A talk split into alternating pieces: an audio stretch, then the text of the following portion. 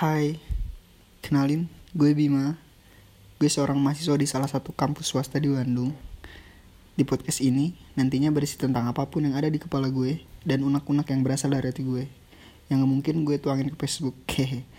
Jadi gue salurin ke sini deh. Yaudah segitu aja sisi pengenalan dari gue. And see you next time. Bye-bye.